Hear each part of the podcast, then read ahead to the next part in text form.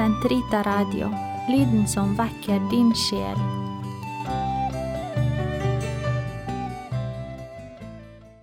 Den katolske kirkes katekisme, uke 32, torsdag 1474 til 1479. I de helliges samfunn. Den kristne som forsøker å rense seg fra sin synd og helliggjøre seg ved Guds nådes hjelp, befinner seg ikke alene.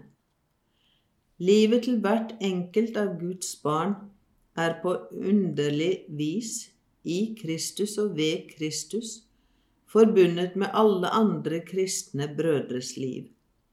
I Kristi mystiske, mystiske legemes overnaturlige enhet som i én mystisk person.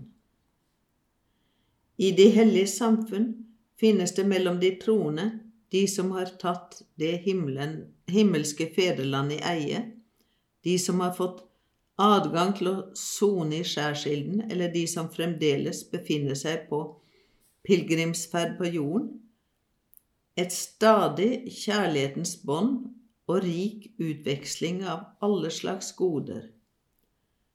I denne vidunderlige utveksling er den enes hellighet til hjelp for andre langt mer enn den skade den enes synd kan volde andre.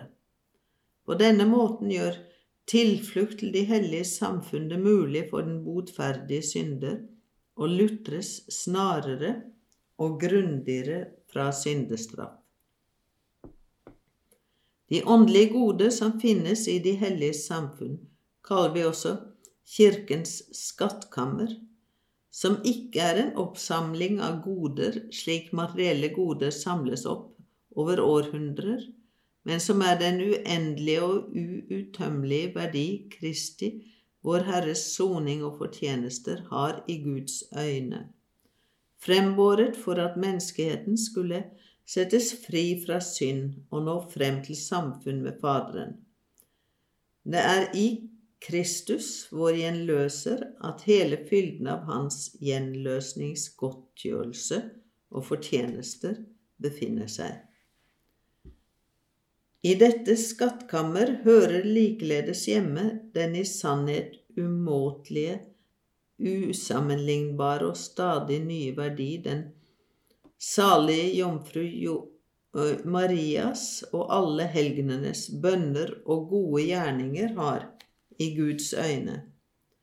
De som helliggjorde seg ved Kristi nåde ved å følge Hans fotspor, og som har utført verk som er Faderen velbehagelige, slik at de ved å arbeide på sin egen frelse også har samarbeidet til sine brødres frelse innenfor det mystiske legemes enhet. Oppnå avlat fra Gud gjennom Kirken. Avlat oppnås gjennom Kirken, som i kraft av den makt til å løse og binde som er blitt den overgitt av Kristus Jesus, griper inn til beste for en kristen og åpner for ham Kristi og de helliges fortjenesters skattkammer, slik at han kan få ettergitt fra all miskunns far den timelige straff han er utestående for sine synders skyld. På denne måten vil ikke Kirken bare komme vedkommende kristne til hjelp, den vil også mane ham til fromme gjerninger, botsøvelser og nestekjærlighet. Siden de troende avdøde som er under lutring, også er del av de hellige samfunn, kan vi hjelpe dem bl.a. ved å oppnå avlat for dem, slik at de kan få ettergitt den timelige straff de skylder for sine synder.